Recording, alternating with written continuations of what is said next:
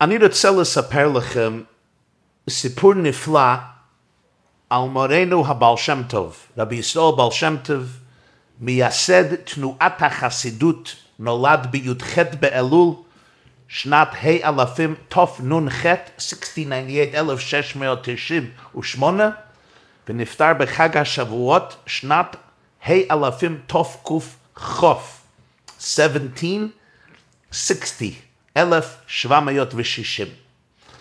הסיפור הזה נתפס בספר בעל שם טוב על התורה במדור חג הסוכות, סיפור ידוע שעובר מדור דור. רבינו הבעל שם טוב כותב, מחבר הסיפור, כותב זה שמספר את הסיפור, תקע אהלו בעיירה מז'יבוש באוקראינה. ובעירו, כמו בעיירות אחרות, היו רבנים שהיו מנגדים לתורת הבעל שם טוב, להשקפת הבעל שם טוב, לאישיות הבעל שם טוב, לשיטות הבעל שם טוב. אחד מהרבנים האלה החליט להגיע לחג הסוכות, לסוכת הבעל שם טוב, לבקר את המצב, לעשות קצת ביקורת כפי מה שאומרים. הוא מסתכל על הסוכה של הבעל שם טוב והוא אומר לו שעל פי, פי דין תורה הסוכה שלו לא כשרה. הבעל שם טוב, זיכרונו לברכה, מתווכח עמו. זה לא רק בן אדם אחד, כתוב שם היו כמה, מתווכח עמהם ואומר שסוכתו כשרה. מתחיל דיון הלכתי מסובך. יש כל כך הרבה בעיות ותסבוכים ואתגרים בסוכה הזו, הם אומרים שהסוכה לא כשרה אפילו בדיעבד, כלומר לא יוצאים את המצווה כשיושבים פה. והבעל שם מתווכח ואומר שהם טועים בהלכה והסוכה כן כשרה. באיזשהו שלב בתוך הוויכוח, הבעל שם טוב לא יכול לנצח, הוא מניח את ראשו על ידו, כאילו נכנס למצב של התבוננות. הוא שם את ראשו בתוך ידיו לכמה רגעים, ואחר כך פותח את ידו. והם רואים, לפלא, יש שם פתקה, פתק, מחתיכת קלף. מסתכלים על הפתק הזה, וכתוב כדברים האלה. סוכה זו של רבי ישראל בעל שם טוב כשרה. נאום מתת שר הפנים. אחד ממלאכי עליון שמסופר עליהם בגמרא במדרשי חז"ל ובספרי קבלה, זה מלאך מתת, הוא חותם את הפתקה בסוכתו של רבו שלום כשרה. הוא ממשיך את הסיפור. הפתק הזאת הלך בירושה לנכדו של הבעל שם טוב. הרב המפורסם בעל הדגל מחנה אפרים, הרב הקודש מסדליקוב, אוקראינה, בסוף ימיו הוא גר במז'בוש, הוא חיבר את הספר דגל מחנה אפרים, הוא קבור באור לבעל שם טוב קרוב לסבא שלו. הוא קיבל את הפתק הזה. כאשר נזדמן איזה חול רחמונו ליצלן, הלכו לבעל הדגל מחנה אפרים, נכדו של הבעל שם טוב, השם היה בת, אודל. והוא היה הבן של אודל. והוא היה מצווה להניח את הפתקה, את הפתק, תחת ראשו של החולה. והחולה נתרפא. כך עבר שתי שנים, הניחו את הפתק תחת הקר של כל חולה ונתרפא.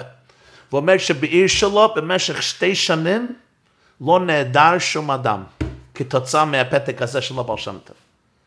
פעם הניחו את הפתק תחת הראש של החולה ונעלם, הפתק נעלם. אמר בעל הדגל מחנה אפרים, נתגלה בין השמיים שהסדר הזה לא יכול להימשך כי הילודים לחיות בל כרכך אתה חי, בל כרכך אתה מת. ולכן הוא התפלל על זה שיקחו בחזרה את הפתק ולכן נעלם. והוא כותב ששמעתי מאנשי אמת ששמעו מפי הרב הצדיק רבי יוסקה נכד הדגל מחנה אפרים שהוא עצמו העיד שהוא ראה את הפתק אצל זקנו בעל הדגל מחנה אפרים מסטליקוב. התמיהה בסיפור זה עולה מאליה. לפני זה צריך להבין הבהרה פשוטה. תורה לא בשמיים היא. מלך מתת לא רשאי לפסוק הלכות בתורה. אפילו נביא לא רשאי לחדש דבר בתורה. רמב"ם מעריך בהלכות יסודי התורה, מלך לא יכול לפסוק, תורה לא בשמיים. יש סוגיה שלמה במסכת בבא מציע, היה בת קול. בת קול יצא ואמרה שהלוך יקרה בלזה בכל מקום, עמד רבי ישוע, הוא היה מופסים, עמד רבי ישוע על רגלו, ואומר, תורה לא בשמיים. העניין הוא ככה, הפתק שנפלה מן שמאיה היה ביד הבעל שם טוב, הוכיחה לרבנים ותלמידי חכמים, לא אמרה להם מה הפסק, אמרו שהם טועים בהבנת ההלכה. מלך מתת אומר להם בעצם עליכם לעיין שוב בתוך כל הסוגיה ותראו שסוכת הבעל שם כשרה. אבל פה יש תמיהה מאוד בסיסית ויסודית. סיפור מעניין, סיפור מופתי, סיפור מה שקוראים בעל שם סכמה היסר. אבל בואו נבין את הדבר. אפילו יהודי פשוט עושה מאמץ שסוכתו תהיה כשרה. ודאי כשרה למהדרין, ואם אפשר, כשרה למהדרין לכתחילה. דווקא ענק רוחני, איש אלוקים כמו הבעל שם טוב, מכונה בספרים אור שבעת הימים, בוחר לעשות סוכתו מלכתחילה באופן שכשרותה ההלכתית תהיה מפוקפקת ולכל היותר רק בדיעבד. בכלל, מדוע מצא, מצא את זה לנכון להכניס את עצמו לסוט, לסיטואציה מביכה כזו, עד שצריך להוכיח באמצעים שמיימים שסוכתו היא בכל זאת כשרה, על אף כל הפרצות והבעיות שהיו קיימות בה. השאלה מתעצמת שבעתיים, לאור דברי גמרא מפורסמת במסכת חולין, דף ל"ז עמוד ב'. יש פסוק ביחזקאל פרק ד' שהוא אומר, נפשי לא מטומאה, נבלה טרפה לא אכלתי מנורי, לא בא בפי בשר פיגול. תמה הגמרא רק יחזקאל המביא. כל יהודי שומר מצוות ולו באופן בסיסי, לא אוכל נבלות וטרפות, לא אוכל בשר פיגול. אומרת הגמרא, הכוונה של יחזקאל הייתה, לא אכלתי מבהמה שהורה בה חכם. פירוש אומר רש"י, שנולד בה ספק והוא צריך לשאול חכם להתירו. כלומר, עצם העובדה שהתעורר איזשהו ספק, אפילו ספק קל, אודות הבשר המסוים ההוא, כבר הייתה דיה בעבור יחזקאל הנביא שלא רוצה לאכול את זה. איי, החכם פסק שזה מותר? נכון. אבל כיוון שהורה בחכם שהיו צריכים להביא חכם, והוא היה צריך לפסוק, כלומר כבר היו שאלות ובעיות, זה כבר מפוקפק. מבחינת הלכה יכול לאכול את זה, אבל הוא פרש את זה. אם כן, רבינו הבעל שם טוב, כיוון שהורה בחכם, כיוון שמדובר על סוכה, שכבר צריכים פסק במהלך מתת שזה כשר, למה אתה צריך לבנות סוכה שרצוף בספקות ושאלות? מעל כל זאת, כשהבעל שם טוב הבין שיש פה רבנים שהם אומרים שהסוכה לא כשרה. בסדר, מה תעשה? תביא עוד דופן, תביא עוד סכך, תתקן את זה. תשלים את התסוקה בהתאם לדרישות. לא. הוא בוחר להמשיך ולאחוז בסוכתו כמות שהיא, כביכול מתעקש על זה. הוא מתעקש שהסוכה כשרה, למה אתה צריך את זה? בסדר, נשלים את זה, נתקן את זה, נשפר את זה. What's the big deal? שאלה זו שאל הרבי מלובביץ' בהתוועדות בחג הסוכות תשכ"ז 1966. 1966, זה היה גם שנת הקל, שנת הקל, הקל האנשים, אנשים והטף. התירוץ היה קצר וקולע. אני אגיש נקודה אחת מהשיחה ההיא של הרבי מלובביץ', כפי שאני הבנתי את זה, וארחיב את הדבר לפי עניות דעתי, כפי הבנתי את העניין. זה לא סיפור סתם. בר שם טוב התעקש לעשות סוכה רעועה, מלאה פרצות, מלאה בעיות, בדיעבד שבדיעבד שבדיעבד, וכשהם התנגדו לזה הוא הביא מלאך, בוא תעזור לי ונראה להם שהם לא מבינים את העניין. זה בעצם התגלמות של כל האיש, של כל השיטה. הסוכה היא המרחב, השטח, שכל אדם מישראל יש לו מקום בתוכה. יש לשון נפלא של חכמינו זה במסכת סוכה, עכשיו דף כ"ז, ראויים כל ישראל להישב בסוכה אחת. זה לא רק משפט טכני, מדובר שם על סוכה שאולה, מחלוקת רבנן ורבי אליעזר, אומרים שכל ישראל ראויים להישב בסוכה אחת, לכן יכול להיות סוכה שאולה. מדובר גם מבחינה פנימית ונפשית, זהו החלל האינטימי, שבו כל איש ואישה מישראל באשר הם שם, ראויים לבוא להצטרף, להיכנס ולהתחבר למקום שכולו רצוף באהבה וחיבוק אין סלפי, מקום של הכלה, של קבלה, מקום שאין כמותו לייצג את תמצית הזהות היהודית שמחברת ומאחדת וממזגת כל עם ישראל, האנשים, אנשים והטף. ידועים דברי האריזה בספרו פרי עץ חיים שכתב תלמידו רבינו חיים ויטל. והרעיון הזה של האריזה הובא ונתבהר בלקוטי תורה של בעל התניא ובכמה וכמה מספרי הקבלה והחסידות, שסוכות היא בחינת ימינו תחבקני. כתוב בשיר השם, שמאלו תחת לראשי וימינו תחבקני. אומר, שמאלו תחת לראשי זה ראש השנה ויום הכיפורים. סוכות זה חיבוק, ימינו של הקדוש ברוך הוא כביכול, תחבקני. למה? אומר האריזל, צורתו ההנדסית, הבסיסית של סוכה, כתוב במסכת סוכת אבוב, הצורה הבסיסית של סוכה זה שתי דפנות והשלישית אפילו טפח. צריך דופן אחד, דופן שני, וצריך דופן שלישי אפילו טפח. זה אומר האריזל מסמל ימינו תחכפני, ימינו תחבקני זה חיבוק. למה? לזרוע, כך כותב האריזל, לזרוע יש שתי דפנות. יש מהכתף עד המרפק, יש מהמרפק עד כף היד. from the shoulder, מהכתף, יש מה, מה, מהכתף, from the shoulder, עד המרפק, elbow, elbow, ומהמרפק עד כף היד. זה שתי דפנות. אחר כך יש כף היד עצמו, זה טפח. אומר האריזל, כשאתה יושב בסוכה, השם אלוקי ישראל מחבק אותך בתוך דפנות הסוכה.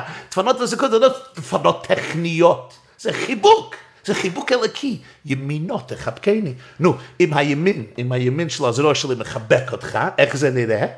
אז יהיה דופן אחד, כן, בצד שלך, כן, בצד של הגוף שלך, יהיה דופן שני שנמשך מאחורי הגב שלך, מאחוריהם, ואחר כך השלישית, אפילו טפח, כך זה תחבקני. אם יש לך סוכה של ארבע דפנות שלמות, בסדר, זה מה שנקרא בירהוק, ככה חיבוק דוב, חיבוק חזק ועצום. החידה כותב שסוכה זה שלוש אותיות, סמך, חוף, ה'. וזה אומר, זה מרמז לשלושה אופנים שאפשר לבנות סוכה, אפשר לבנות סוכה שנראה כמו סמך.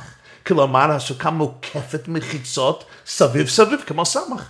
יש סוכה שנראה כמו חוף, נראית כמו חוף. מה זה חוף? שלוש דפנות שלמות, דופן אחת פתוחה.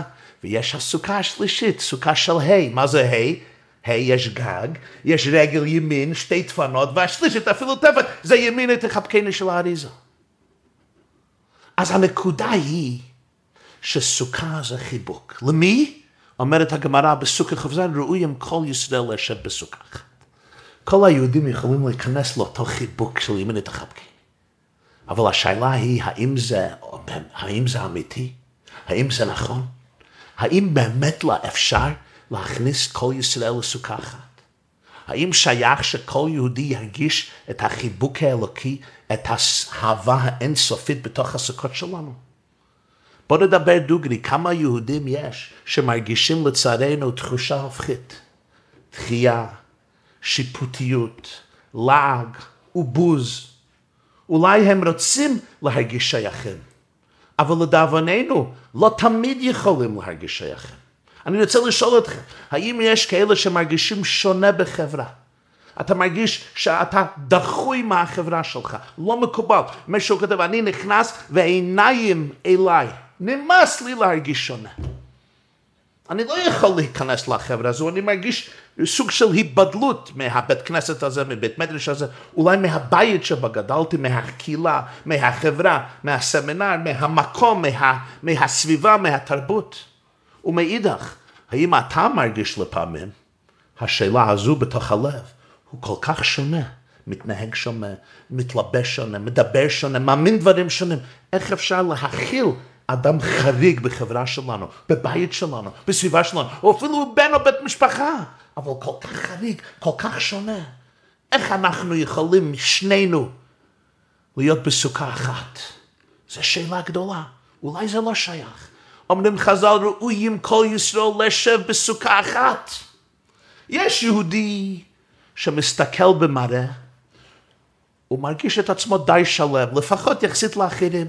הסוכה היהודית שלו מוקפת ארבע מחיצות, מקורה בסכך כשר ויפה. הסוכה שלו שלמה, הוא מרגיש, אה, אני יהודי, אני להגיד שמע כיהודי שלם. אבל יש כאלה מאיתנו שמרגישים בלשון הגמרא דופן עקומה. יש בי עקמומיות, עיוות, עקמומיות פסיכולוגית, נפשית, דתית, רוחנית, רגשית. אולי יש סכך פסול, יש נקבים וחללים, holes and voids, אוויר בתוך הסכך שלי. יש כאלה מאיתנו שהמחיצות שלנו לא עולות מספיק, לא יורדות מספיק, יש כל ההלכות בסוכה, שאם המחיצה לא עולה מספיק יש גוד אסיק מחיצתה. אם המחיצות לא יורדות מספיק יש גוד אסיק, גוד אחית מחיצתה. אם הדופן, אם, אם, אם דופן הסוכה לא מסתדר עם הסכך כי יש גג טיט בינתיים, אז מסתכלים על הדופן כאילו שזה עקום. יש דין של לבוד, אם יש אוויר ואין סכך, אפשר לחבר עם זה פחות משלושה טפחים. יש דין של סכך פסול. יש יהודי שמרגיש שהסוכה שלו, המבנה הרוחני שלו, המבנה הדתית היהודית שלו, הזהות היהודית, פגומה, רעועה. כאן נכנס הבעל שם טוב וסוכתו. זה לא סתם סיפור על סוכה, זה סיפור על חיים. נשמתו הגדולה של אור שבעת הימים שהקדוש ברוך הוא שלח לעולמנו. בחשכתו האדירה של הגלות כדי להמציא מזור לטרף. סימל וגילם במהותו את החיבוק הגדול של אבינו שבשמיים לכל יהודי באשר הוא שם, גם זה שהרגיש נדכה ושבור ממצוקות הזמנים. סיפור סוכתו של הבעל שם טוב משקף את סיפור דמותו כולה.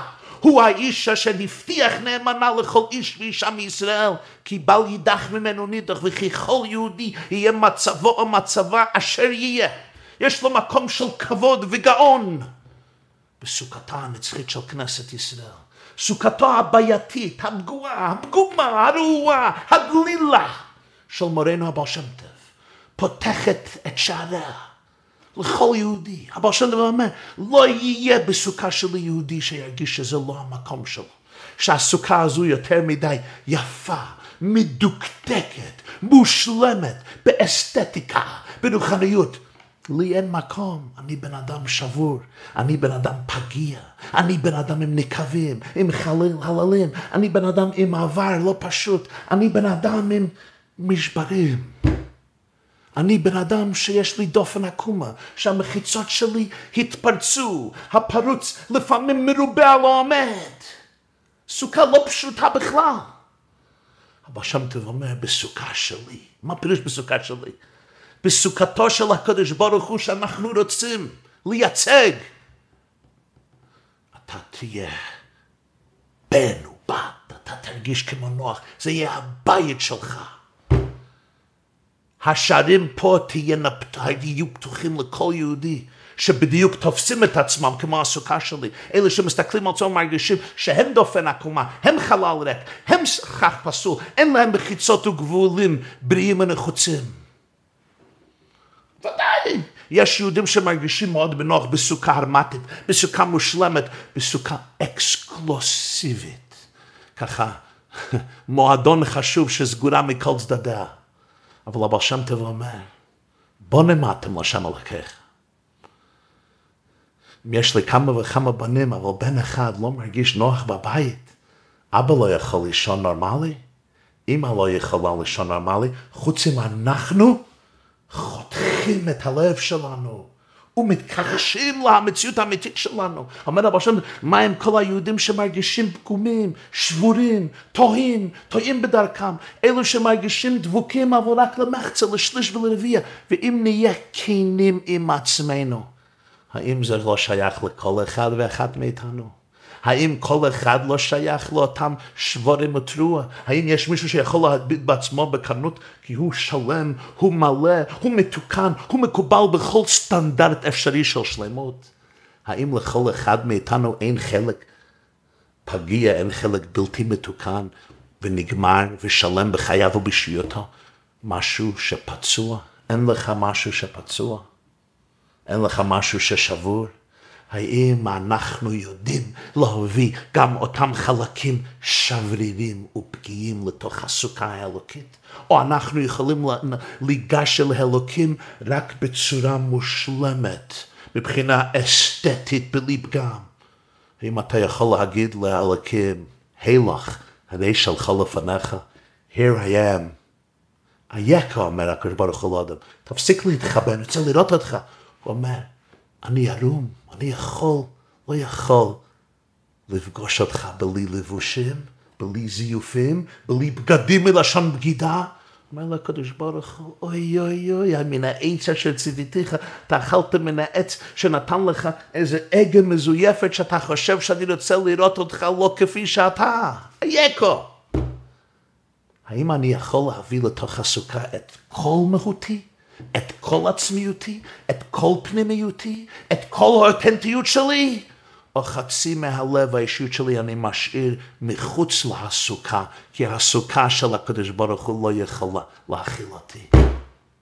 האם אני מסוגל, ואתה מסוגל, ואת מסוגלת להרגיש את החיבוק האלוקי דווקא בתוך הדופן העקומה, ודווקא בתוך הלבוד. זה היה חזונו הגדול מבית מדרשו של אבר שם טוב, על כך מסר נפשו. הסוכה שלי תהיה סוכה לכל יהודי. גם יהודי שמרגיש את דפנותיו ראויים, שיש בו פרוץ כמו העומד. בסוכה הזו הוא ירגיש כמו בן, בת, כמו נסיך. זה משמש בעבור כל אחד מאיתנו מודל של הבתים שלנו ושל הסוכות שלנו, הפיזיים והרוחניים. שהסוכה תהיה גדולה, חמה, קדושה, פתוחה, מחבקת, לעט, לעטף ולעטוף גם אותה פגיעות ושבריריות שקיימת בכל אחד ואחת מאיתנו. ואגב, זה יסביר עניין מאוד מאוד מעניין שמצינו בסוכה, שלא מצינו במצוות אחרות. כל מי שמכיר אפילו באופן שטחי מסכת סוכה, מסכת סוכה המוקדשת ברובה להלכות ואופני הכשרה של הסוכה, יודע כי מסכת זו והלכות סוכה מכילות הרבה מאוד חומר הלכתי העוסק באופנים שאפשר להכשיר את הסוכה בצורות מאוד קיצוניות. אפילו אם הסוכה פרוצה או פתוחה מכיוונים שונים. הגדרות הלכתיות כמו דופן עקומה, כפי שאמרתי, לבוד, גוד אחית, גוד אסיק. שלל הגדרות הלכתיות שהם כמו פלאים שאפשר לשים על הסוכה ולהכשיר את זה. דופן עקומה, מעניין מאוד. אני משתמש באחד מכותלי הבית שלי לכותל סוכה. הבעיה היא מהכותל הזה יוצא זיז או גג חלקי של טיט שמפסיק בין הסכך הכשר והכותל, זה לא כשר. אם הגג הקטן הזה פחות מדלת אמות, ההלכה רואה את הדופן כאילו היא נתעקמה ונמשכה עד לסכך הכשר. זו תופעה הלכתית שהיא ייחודית ויוצאת דופן, וקיימת רק במצוות סוכה. מעניין מאוד. למה זכתה סוכה לכל הפרצות והטלאים האלה? ונשווה את זה לחג השני של שלוש רגלים. שגם נמשכת שבעת ימים, ובחוץ לארץ שמונה ימים. חג הפסח, ביור חמץ, אכילת מצה, שם זה ממש אנטיתזה לסוכה. בביור חמץ ואכילת מצה אנחנו מוצאים דקדוק והקפדה קיצונית על כל קוצו של יוד, תביעה בלתי מסויגת לשמירה והידור מקסימלית במצוות האלו. איסור חמץ במשהו, בל יראה, בל יימצא. ישראל הקדושים מקפידים על כל טיפה של חמץ לבאר את זה, לשרוף את זה כליל. ואיך מקפידים על אפיית מצה וניקוי הבית וכולי. במצוות סוכה, להפך, מוצאים קולות ופתרונות יצירתיים של חכמינו ז"ל בהכשרת הסוכה. עכשיו, לאחרי הסיפור בהקדמה זו, נבין את זה טוב, זו ההבחנה בין חג הפסח לסוכות. בפסח חובת האיש הישראלי להביא את אלוקים לתוך ביתו. להפוך את שולחן לחמו הקבוע לשולחנו של מקום. לחם עוני שהיא כולה בנוי על טהרת האמונה והביטחון בהשם. בפסח השם מגיע לבית שלי. בחג הסוכות אני מגיע לביתו של הקדוש ברוך הוא. אני מגיע ונכנס לימינו תחבקני בסוכות, אני יוצא מתוך הבית שלי. שבע ימים הסתם עושה ביתו דירת ארעי וסוכה דירת קבע.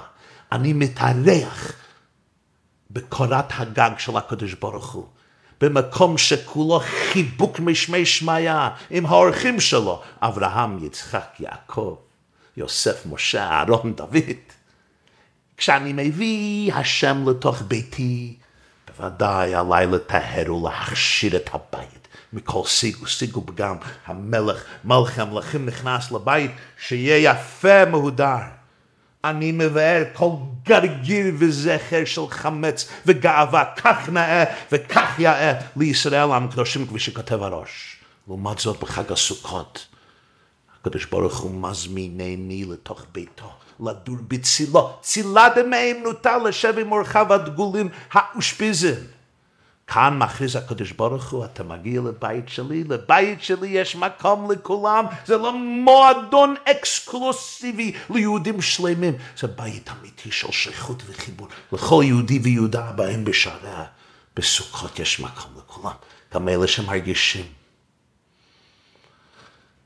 כל הבעיות והפרצות שדיברנו עליהן. יש סיפור. סיפור שמספרים, אני לא יודע אם כל הפרטים מדויקים, אבל הסיפור מבטא משהו מאוד עמוק. הסיפור הזה עובר מדור דור. יש פה מוסר השכל מאוד מאוד חזק. זה סיפור על מוישלה. מוישלה היה הגנב המהולל ביותר באוקראינה.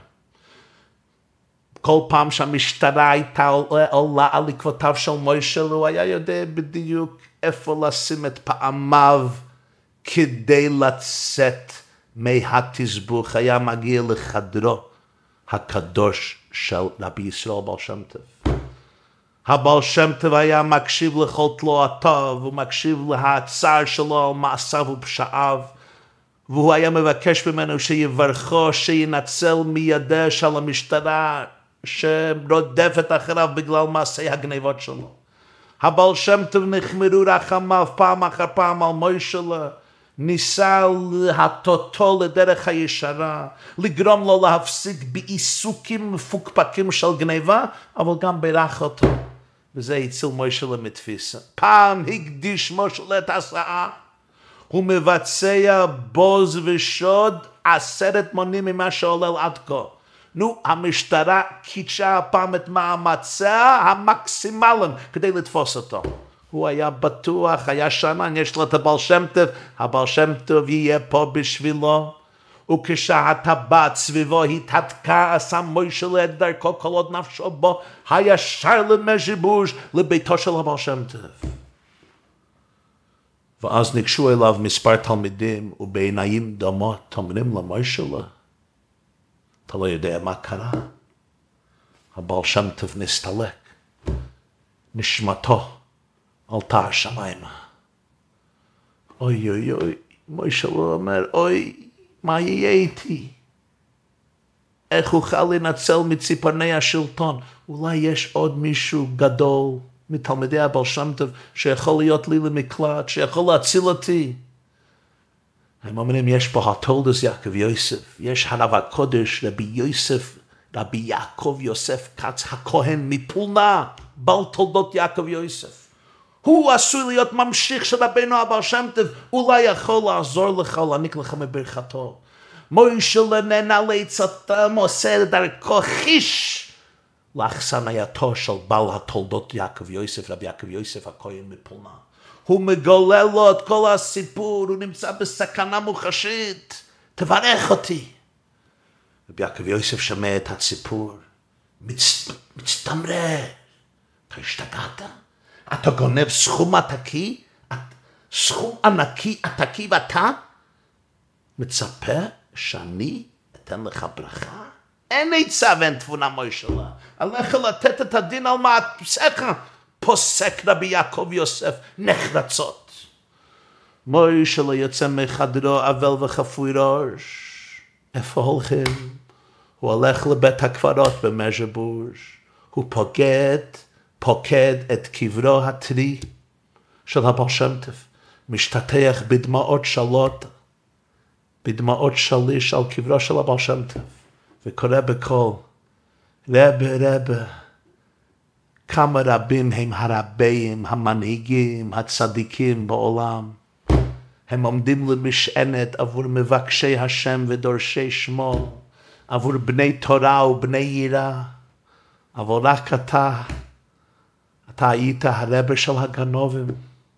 Du bist gewend der Rebbe von der Ganovim. Mi yat ha Rebbe מי יעמוד ויפרוס את כנפיו ואת כפיו עלינו בעת צרה כזו? מי יהיה האדמור של הגנבים? ורבד זין דרבב ודגנובים. תשמעו מילים נוקבות שיוצאים מפיו של גנב. הוא אומר, מי לא רוצה להיות רבב מנהיג של אנשי מעלה, יהודים שלמים? אבל מי רוצה להיות רבה של נשמות שבורות, נשמות מרוסקות, קרבנות של התעללות, מי שרחוקים מלהיות שלמים, מי ששבורים, פצועים, נפשית, רגשית, מי רוצה להיות הרבה שלהם? מי, מי רוצה להיות הרבה שלהם? אם ברוח ואם בגשם, מרוסקים אם ברוח ואם בגשם. מי רוצה להיות הרבה של הגנבים ושל הנגנבים, אלה שגזלו מהם את הנשמה, את המודעות, את הגאון יעקב, את האמון העצמי, את הביטחון העצמי, אלה שגנבו מהם את הלב הזך כך בשנים הצעירות. Så זה יגרינג zu sein ein Rebbe, für perfect Menschen, für perfekte Menschen, wer wird sein der Rebbe von der Ganove? Ja ein Rebbe של הגנove, או של הנגנove. מוישה מתייפח ונרדם על קברו של הבעל שם טוב. הוא חולם שהבעל שם טוב מתגלה לו, ואומר לו, לך להנכד שלי, רב מוישה חיים אפרים מסדלקוב, בעל דגל מחנה אפרים. ואומר לו, סימן שיגיד לבעל הדגל, שבעל הדגל ידע שזה לא שקר, הבעל שם טוב שלח אותו. מוישה לשר לביתו של בעל הדגל.